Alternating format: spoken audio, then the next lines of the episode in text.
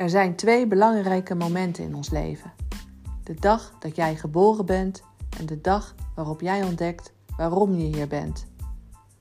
Wat geeft jouw leven als leider betekenis? Welkom bij de Journey to Purpose podcast, de reis naar jouw purpose.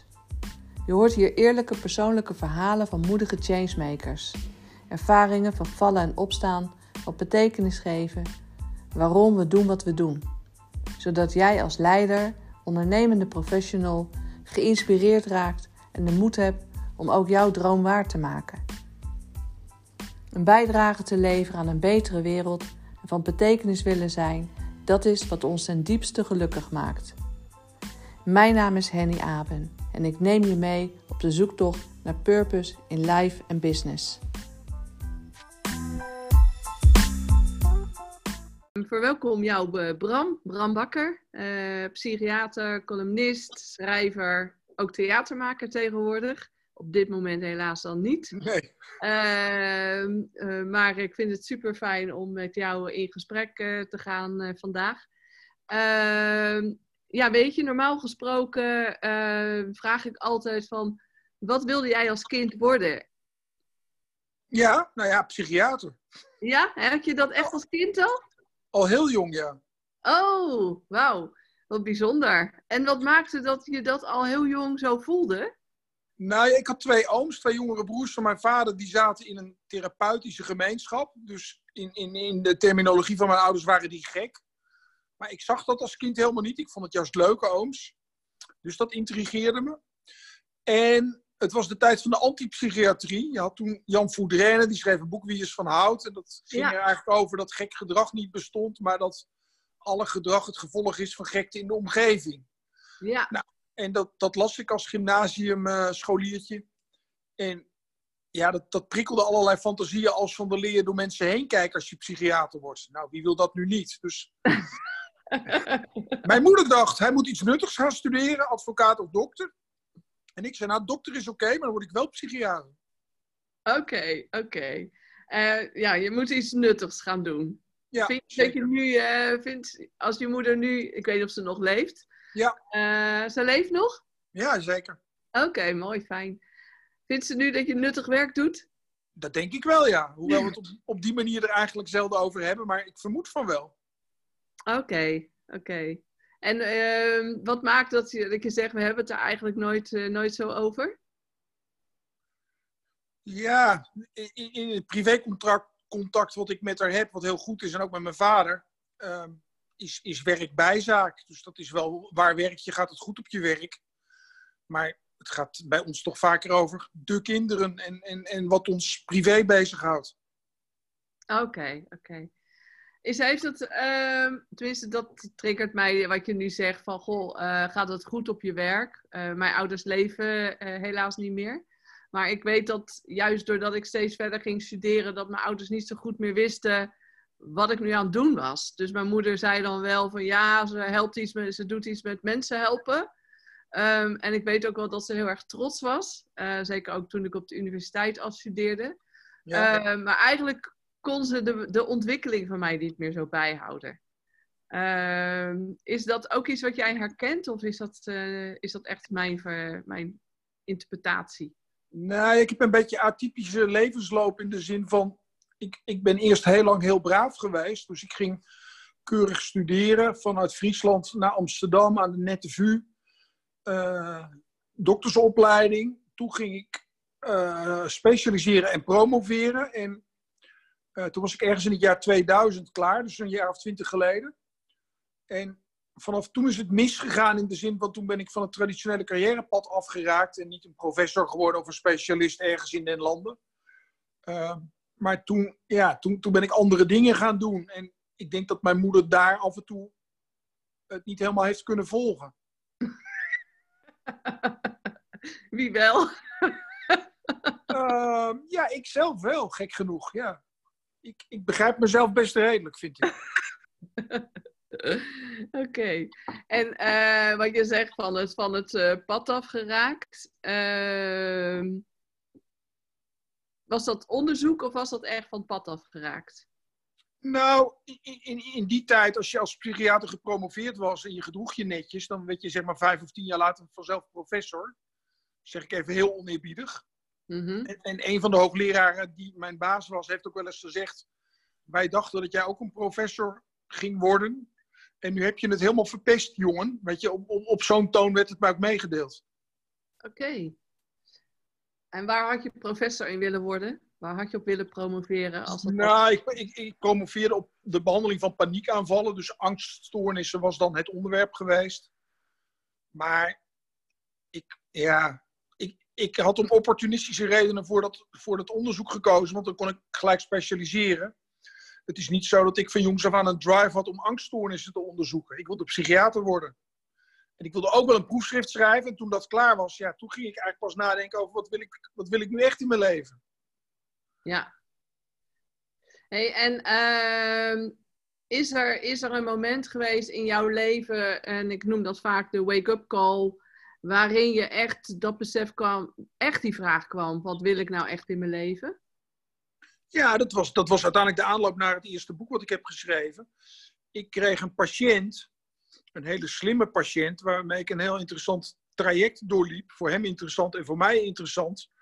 En toen kwamen er allerlei vragen bij mij omhoog van waarvoor was ik ook alweer dit vak ingegaan. En ja, je moet je voorstellen, ik had van mijn achttiende tot mijn 37ste aan die Vrije Universiteit doorgebracht. En ja, eh, toen ging ik pas afvragen van, ja, eh, en, en nu? Want nu heb ik al mijn diploma's en wat wil ik nu? Nou, dat ben ik voor mezelf gaan opschrijven. En dat, dat, dat leidde tot dat eerste boek. Maar het eerste boek leidde weer tot allemaal dingen die ik niet voorzien had. En ja, daar is het misgegaan. en ehm, als je zegt van. Want jij hebt ook in je, in je leven, ook eh, net zoals de meeste van ons, ehm, al wat eh, behoorlijk wat voor je kiezen gehad. Ook privé eh, verliezen geleden. Mhm. Je hebt daar ook over gesproken en al in de media dingen over gezegd. Verlies van, van, van, van dierbare vrienden. Ja. Eén kennen wij in ieder geval ook samen. Ja. Eh, ehm, maar, maar ook scheiding, verlies van gezondheid. Ja, in mijn werk, noemen, eh, als wij kijken naar de verliescirkel, dan raakt verlies ook aan verlies. Ja. Ehm, is, is dit voor jou ook eh, ehm, een van deze momenten een echte wake-up call geweest? Nee, gek genoeg niet, omdat ehm, al dat verlies om mij heen, het gaat, gaat over vijf mannen van mijn leeftijd, waarmee ik echt bevriend was, in twee jaar tijd. Dus dat is echt wel veel verlies in betrekkelijk korte tijd. En, en niet kennis, hè? echt dat je op de uitvaart iets moet zeggen. Dus op, op, op dat niveau. Maar het was niet een wake-up call in de zin van eh, dat ik iets anders moest. Het was vooral dat ik me in die periode vooral ging realiseren hoe ongelooflijk veel mazzel ik had. Dat mij dat niet was overkomen. Want bij alle vijf kon ik me heel goed voorstellen dat ik in hun schoenen had gestaan. Mhm. Ehm, wat het vooral heeft veranderd is dat ik eigenlijk nauwelijks nog chagrijnig durf te zijn. Want als, als, als ik ochtends wakker word en me maar even een beetje chagrijnig voel en ik denk aan een van deze dode vrienden, dan denk ik, ja, die jongens die zijn, ja, die zijn tot stop vergaan. Wat, wat zal ik nou toch zeuren? De zon schijnt vandaag en ik kan ervan genieten. Ja, ja. Heeft het leven daarmee een andere betekenis gekregen? Mm, nou, ik denk dat ik, dat ik heel erg eh, gehaast heb geleefd, een groot deel van de tijd. En ik deed wel de dingen die ik belangrijk vond. En ik deed ook, denk ik, wel af en toe iets wat nuttig was. maar ik was niet zo heel erg bezig met eh, waarvoor het nodig was. Mhm. En daar ben ik wel in veranderd. En in die zin zijn, denk ik, mijn ambities eerder kleiner geworden eh, dan groter. Maar de urgentie om dingen vandaag te doen eh, en niet morgen, is, is gek genoeg wel toegenomen. Dus aan de ene kant heb ik minder haast en aan de andere kant denk ik nog veel sterker van laat, laat het niet liggen als je weet eh, dat het morgen over kan zijn. Ja, ja, mooi. Bizar, want ik, eh, ik heb ook eh, deze week gesproken en ik merkte ook in deze eh, coronatijd, eh dan zie ik ook deze beweging. Van enerzijds zie ik dat mensen ontzettend gehaast raken, hè, in een Ja. soort overleving schieten. En uh, nou, ik, ik, moet nu online en ik moet zichtbaar zijn. Ja. Ik moet dit voor mijn bedrijf staande te houden. Dus, uh, en aan de andere kant zie ik ook veel mensen in de vertraging en in het vertrouwen. En het komt zoals het komt. Ja. Um, en wat, wat ook wel een soort lastig is, is dat ik het ook in mezelf herken, die, die twee, tweeledige beweging. Um, maar dat het soms ook net is of je elkaar niet verstaat, zeg maar.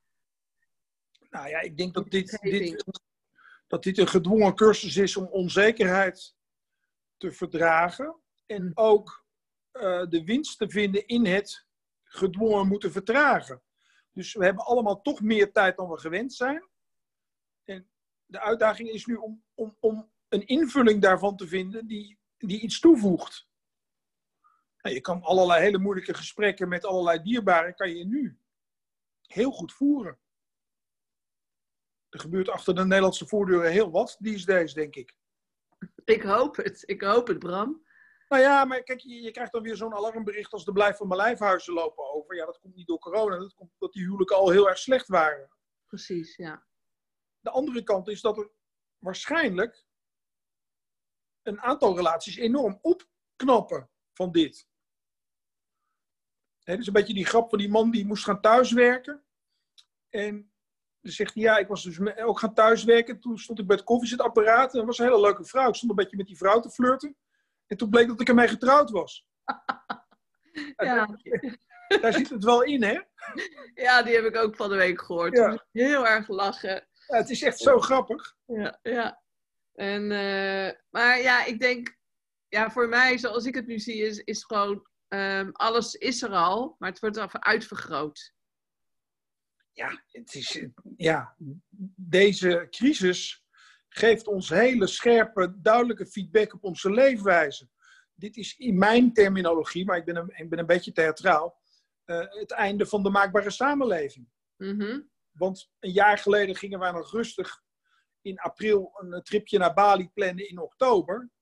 En ik denk eigenlijk dat weinig mensen dat nog aandurven de komende jaren. Want ja, er kan dus zomaar iets gebeuren en dan gaat het hele tripje niet door. Dus we worden gedwongen om weer eens even een beetje bescheiden te zijn en ons te realiseren dat je niet alles kan plannen, niet alles kan afdwingen. Nou, dat is denk ik heel goed voor ons. Want we zijn gaan geloven dat we alles in de hand hadden. Dat hebben we helemaal niet. We hebben niks in de hand. Nee. Hey, en geloof jij ook dat het nog zo zal blijven als we straks weer de lockdown uh, wordt opgeheven? Nou, je kijkt naar hoe mensen veranderen vanuit jouw ja. gebied. Kijk, er is een groep mensen die wil natuurlijk graag zo snel mogelijk weer doen alsof er niks gebeurd is. Uh, dat mag. En, en veel van die mensen hadden natuurlijk een leven waar ze prima tevreden mee waren. Dus wie ben ik om daar wat van te vinden? Maar daar zit ook een groep mensen tussen die aan het vermijden is. Die zich allerlei wezenlijke vragen niet wil stellen.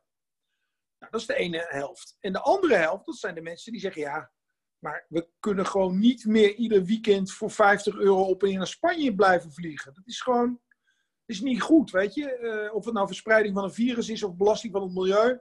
Nu ik er nog eens even over nagedacht heb, terwijl ik gedwongen thuis zat, denk ik, ja, het mag misschien ook wel ietsjes minder. En weet je, Ameland is ook hartstikke leuk. Waarom, waarom, waarom moet het altijd de Costa del Sol zijn? Nou, en ik hoop eerlijk gezegd wel dat, dat, dat, dat daar wat vandaan komt. Al die al die files die er niet zijn, die hebben toch ook iets heel aantrekkelijks. Dus vertragen is wel, ehm, in ieder geval, levert dat ons heel veel op. Nou ja, en, en, terug naar de basale waarden. Kijk, je hebt nu allerlei commerciële partijen die gaan nu bepleiten dat wij ons werk wel online kunnen doen. Maar niets is minder waar. Juist in de ontmoeting, het, het aan elkaar kunnen snuffelen, dus je zintuigen ook inbrengen in, in, in, in, in, in het gesprek met iemand. Ja, ik heb meer dan ooit, merk ik dat dat een behoefte van mij is. En dat, dat ik dit gesprek helemaal prima vind. Maar echt wel tweede keus. Ik vind het echt veel leuker om met jou te praten terwijl we aan een tafel zitten. Ja. En hopelijk, hopelijk, kijk, nu, nu zijn we misschien allemaal blij met al die sociale media. Maar hopelijk blijft er ook iets over dat mensen denken: ja, we zijn toen weer gaan scrabbelen of ganzenborden. was eigenlijk hartstikke leuk. En je, je hoeft helemaal geen spelletje op je telefoon te doen om het toch heel goed te hebben met elkaar. Ja, elkaar weer echt zien en echt ontmoeten. Ehm, dat, eh, dat merk ik ook. Ik, vind, ik merk dat ik het heel erg leuk vind. Uh, mijn kinderen zijn ook, uh, mijn dochter was net uit huis en die is weer terug. En ik vind het een soort bonustijd. Ja. En wat, ik, wat ik ontzettend leuk vond om te zien, is dat eigenlijk alles wat je de jaren erin hebt gestopt, dat het er ook een soort uitkomt.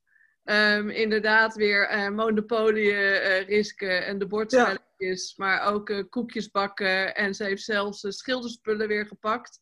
Ehm, omdat we vroeger altijd aan het schilderen waren samen. Ja, het zou toch fantastisch zijn als we dat een beetje kunnen behouden?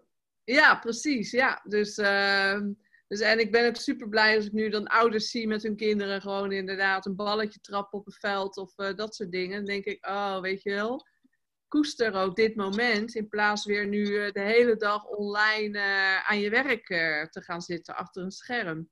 Ja. ja. ja wat ook een, wat hele raar is, iedereen klaagt natuurlijk over gebrek aan inkomsten.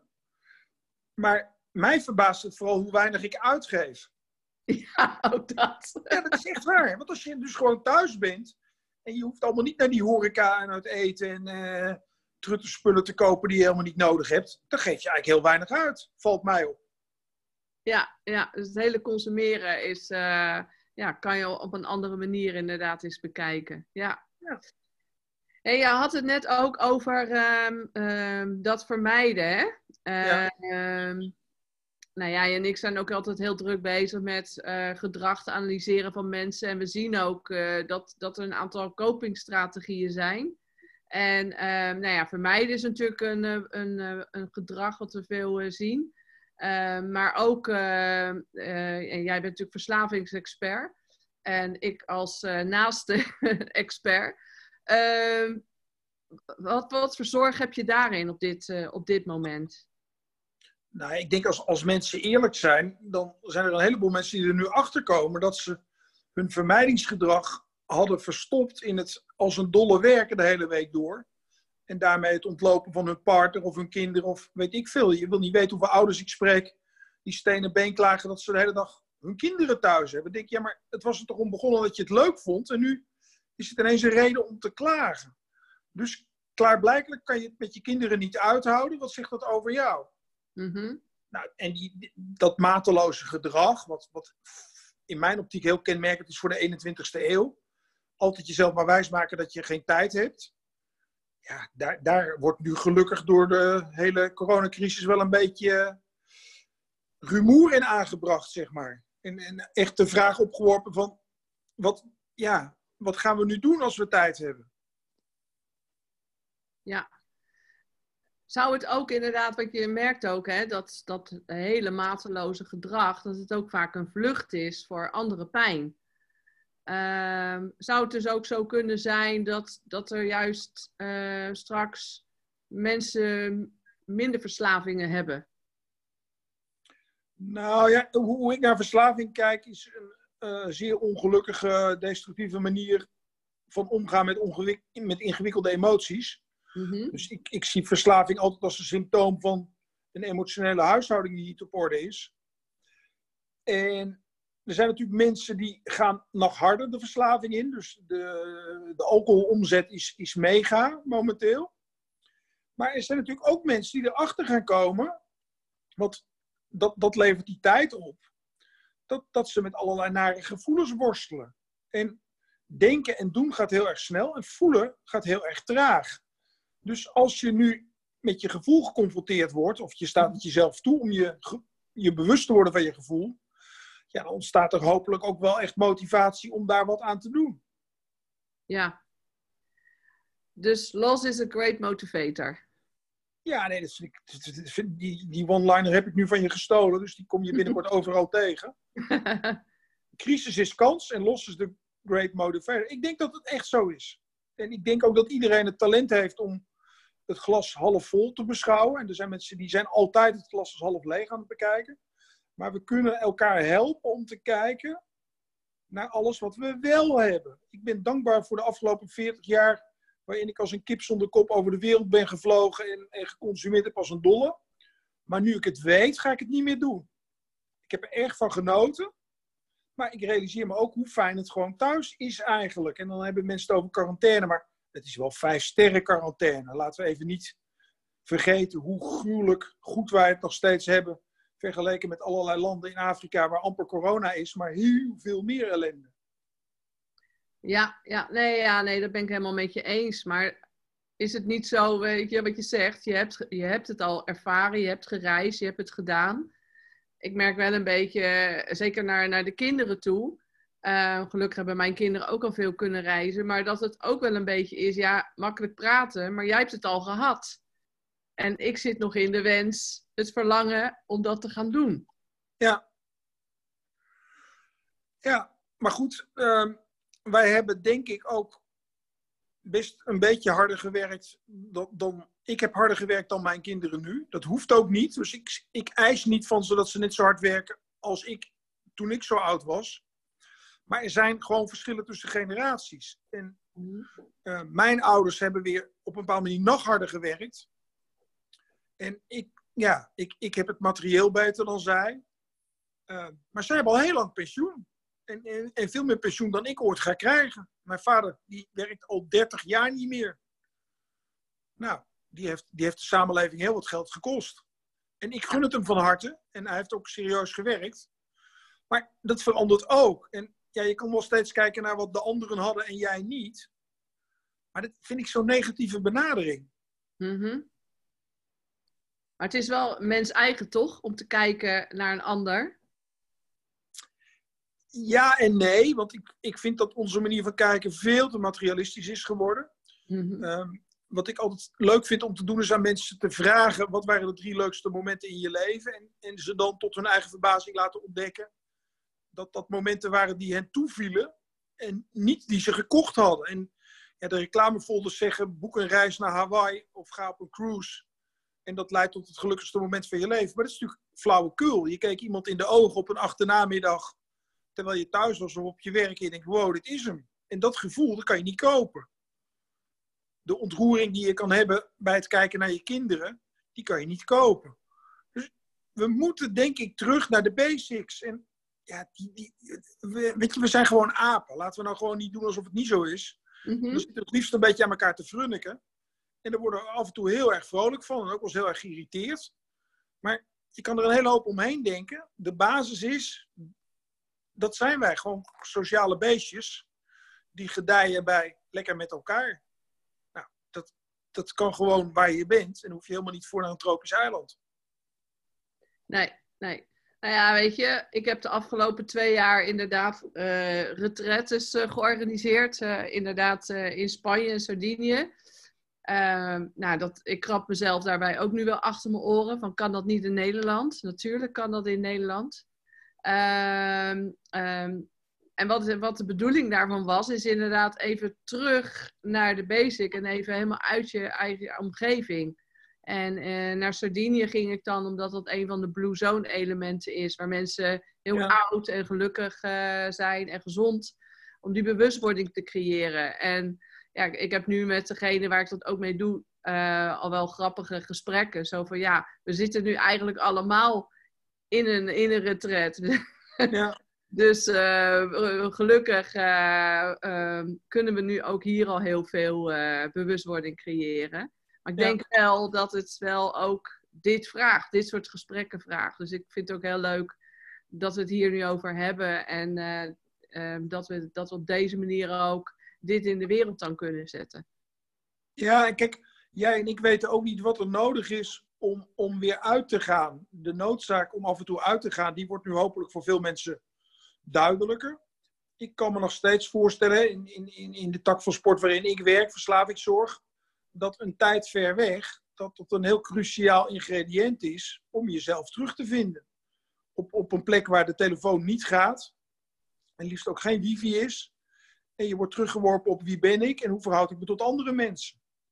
Ja, Nee, terecht, weet je. En dat is ook, nou ja, dus niet alleen voor, uh, voor verslaafden uh, gelden dat, uh, of gold dat, maar ook voor mensen, ik nam veel al businessmensen mee, ondernemers en leiders. En, en dat zijn ook mensen die gewoon keihard aanstaan. Continu. En ook, eh, weet je, het liefst 60 tot 80 uur werken. En met name als ze zeiden, van, ik kan niet een week weg. Dan wist ik al hoe laat het is. Ehm, ehm, en, en gewoon soms compleet in paniek raken. Weet je, van uh, godverdorie, en dan zit ik hier op dat klote eiland.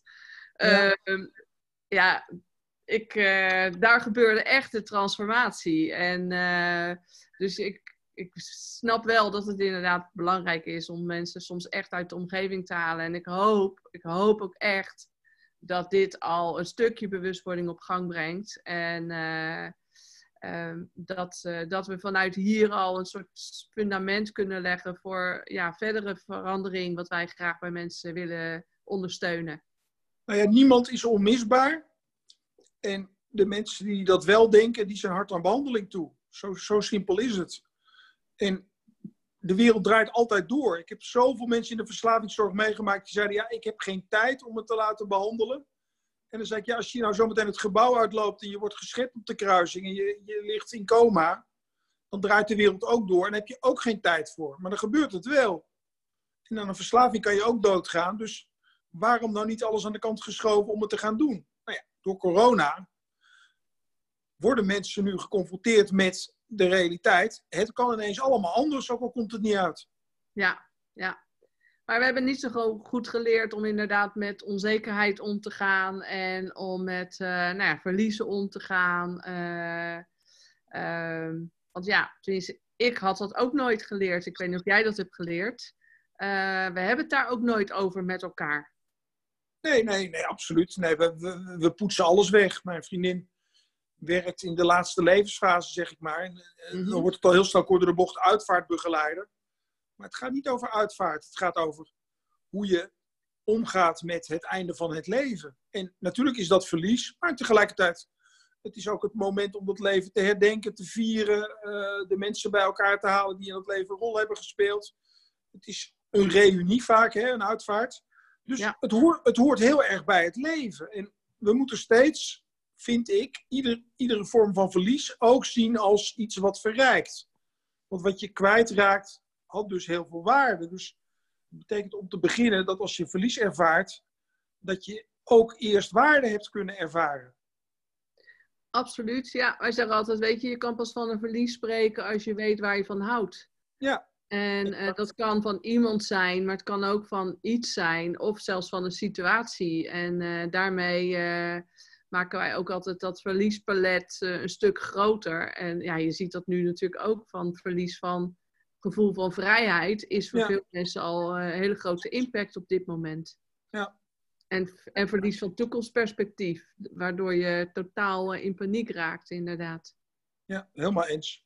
Dus als jij uh, kijkt nu naar ter afronding, na coronatijd, ehm, wil je iemand anders zijn? Wil je zijn wie je bent?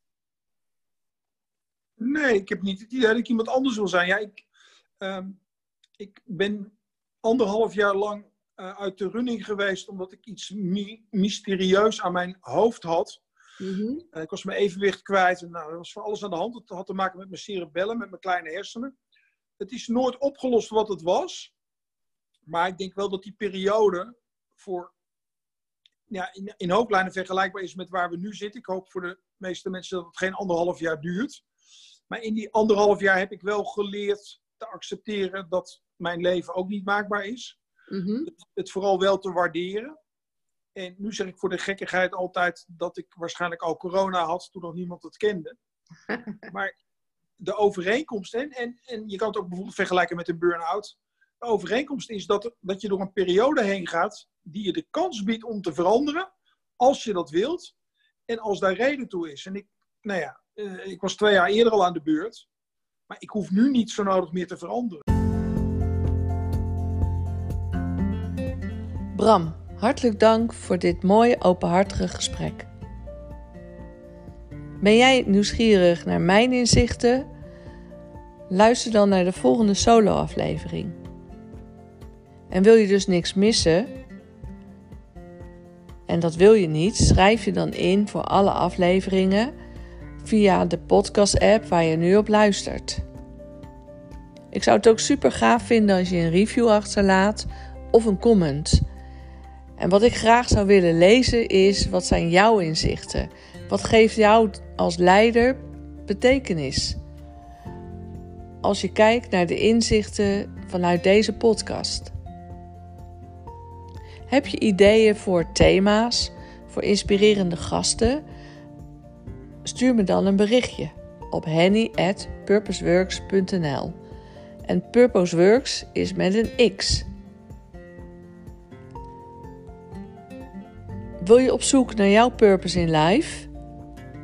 Kijk dan even op de website, want er staan verschillende mooie programma's. Wellicht zit er iets voor jou bij. Ik wens je een hele mooie journey.